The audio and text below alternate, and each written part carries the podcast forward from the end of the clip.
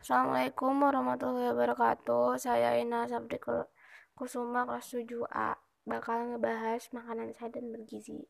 Nah, makanan sehat dan bergizi adalah makanan yang memiliki kandungan gizi yang seimbang dan zat-zat yang diperlukan tubuh untuk proses tumbuh kembang.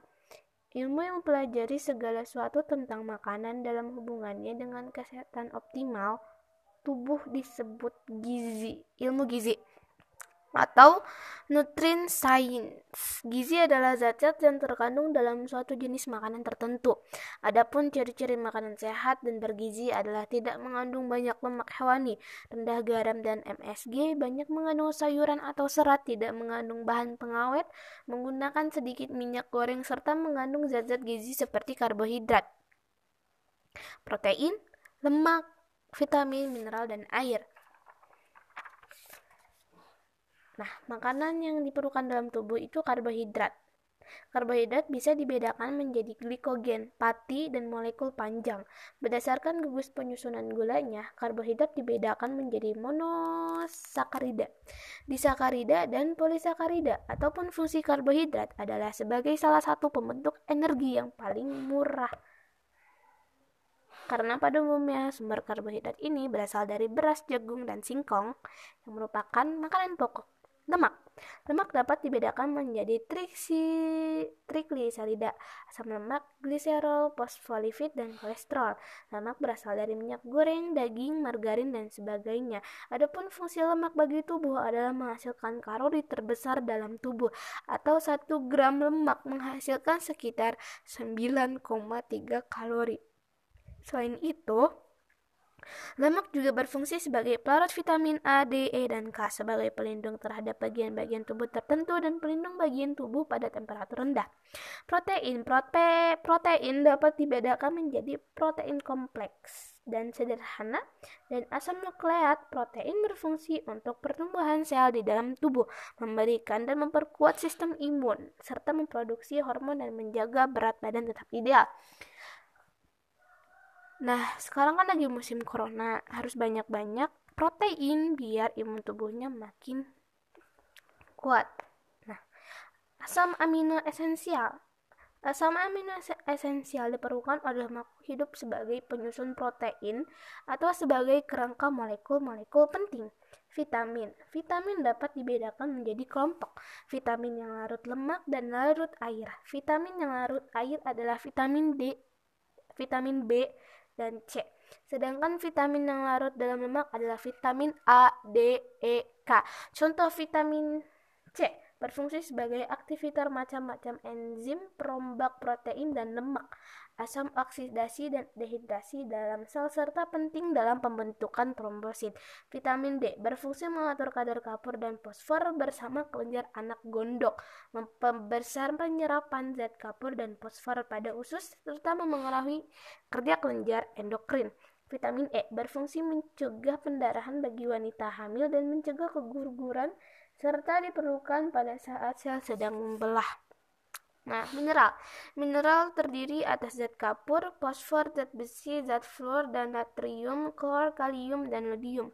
Secara umum, fungsi mineral adalah sebagai bagian dari zat yang aktif dalam metabolisme atau sebagai bagian penting dari struktur sel dan jaringan sebagai kofaktor suatu enzim. Serat kasar Serat kasar atau dalam bahasa Inggris crude fiber berasal dari selulosa atau lignin yang terdapat pada sel tanaman. Makanan yang cukup mengandung serat kasar adalah sayuran.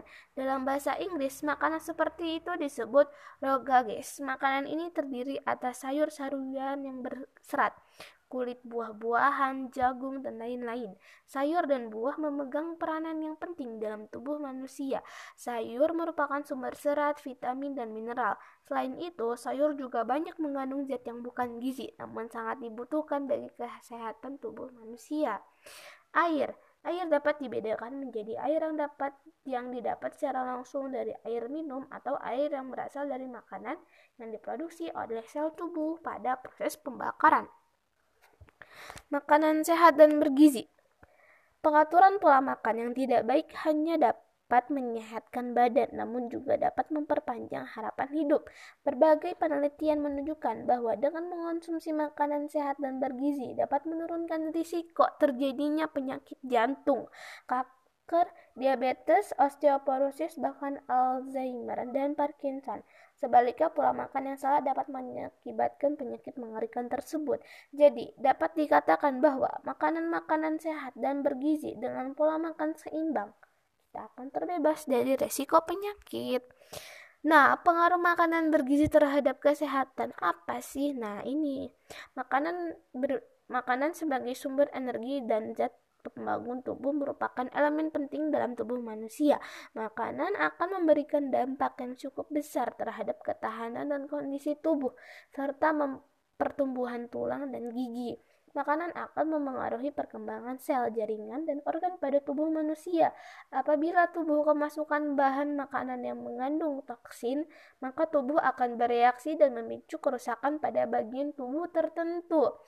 Tanpa makanan, tubuh tidak akan bekerja dengan baik dan tidak akan berkembang.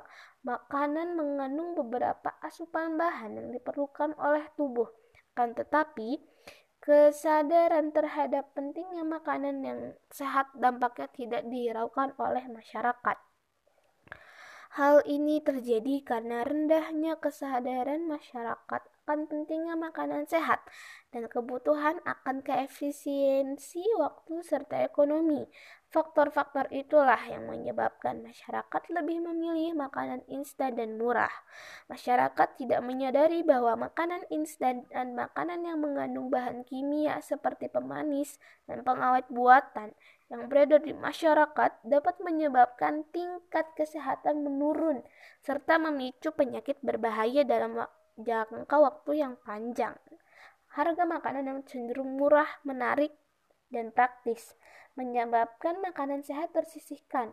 Faktor lainnya adalah pengemasan makanan sehat kurang menarik dan rasa yang kurang enak dibandingkan dengan makanan cepat saji dan makanan yang mengandung bahan berbahaya. Jika makanan yang dikonsumsi tidak mengandung bahan-bahan yang diperlukan, maka tubuh akan mengalami defisiensi seperti busung lapar, lupus, dan penyakit lainnya.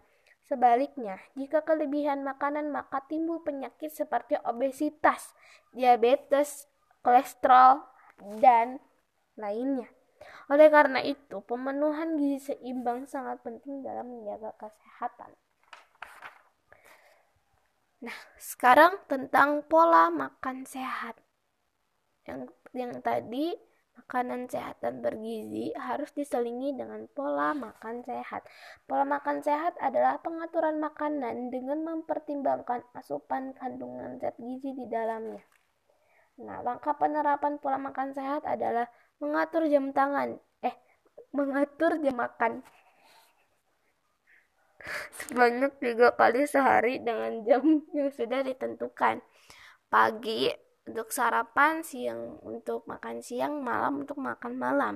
Tapi sebaiknya usahakan untuk jangan terlalu banyak makan setelah jam 6 sore ke atas sampai malam karena di saat-saat jam itu badan kita mulai malas untuk bergerak jadi lemaknya lebih tertumpuk begitu dan memakan sayur dan buah-buahan segar satu piring minimal dua atau satu slice saja.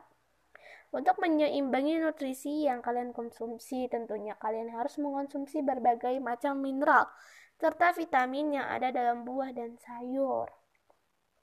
Menghindari makanan berlemak tinggi seperti kulit ayam, gorengan, daging berlemak, dan makanan yang bersantan karena makan berlemak tinggi dapat menyebabkan penumpukan kolesterol dan darah yang bisa menyumpat yang bisa menyumbat aliran darah. Oleh sebab itu, mulailah mengurangi bahkan menghindari makanan yang berlemak tinggi. Kalau bisa diselingi dengan olahraga kecil dan teratur. Mengonsumsi karbohidrat secukupnya, tidak terlalu banyak dan tidak terlalu sedikit.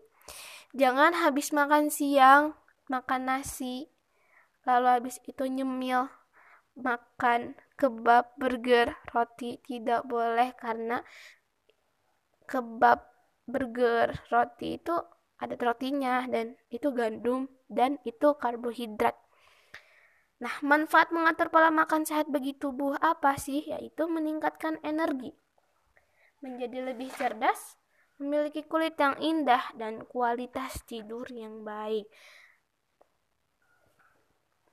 Meningkatkan energi. Kita sering memilih cemilan yang manis atau kafein untuk mendapatkan energi secara instan. Tetapi se seperti seba sebenarnya itu tidaklah bersifat lama Hal itu kalian akan merasa lebih buruk daripada sebelumnya. Menjadi lebih cerdas. Penelitian menemukan bahwa apa yang baik untuk tubuh maka akan bersifat baik pula untuk otak. Gizi yang baik dan dikombinasikan dengan olahraga tidak hanya membantu melindungi sel otak tetapi juga dapat membantu menciptakan sel-sel baru. Memiliki kulit yang indah, salah satu cara tubuh melakukan detek detoksifikasi adalah dengan mengeluarkan keringat. Berkeringat merupakan tanda bahwa tubuh sedang mencoba menyingkirkan racun yang terdapat dalam tubuh, termasuk kulit. Kualitas tidur yang baik memiliki waktu tidur yang cukup dan berkualitas sangat penting untuk meningkatkan mood, konsentrasi, mengurangi tingkat stres, tekanan darah, bahkan mengontrol hormon yang dapat membantu kalian untuk mendapatkan berat badan ideal. Nah, itu dia pola makan sehat dan makanan sehat juga bergizi. Bisa untuk meningkatkan imun tubuh, menjaga kekebalan tubuh agar tidak terserang penyakit. Apalagi kan lagi rame-ramenya nih corona. Banyak yang jual-jual makanan murah atau banyak yang lagi diskon dan banyak makanan murah atau orang-orang yang dagang bulak balik itu sebaiknya agak diperhatikan lebih lanjut kebersihannya ya. Sekian dari saya. Wassalamualaikum warahmatullahi wabarakatuh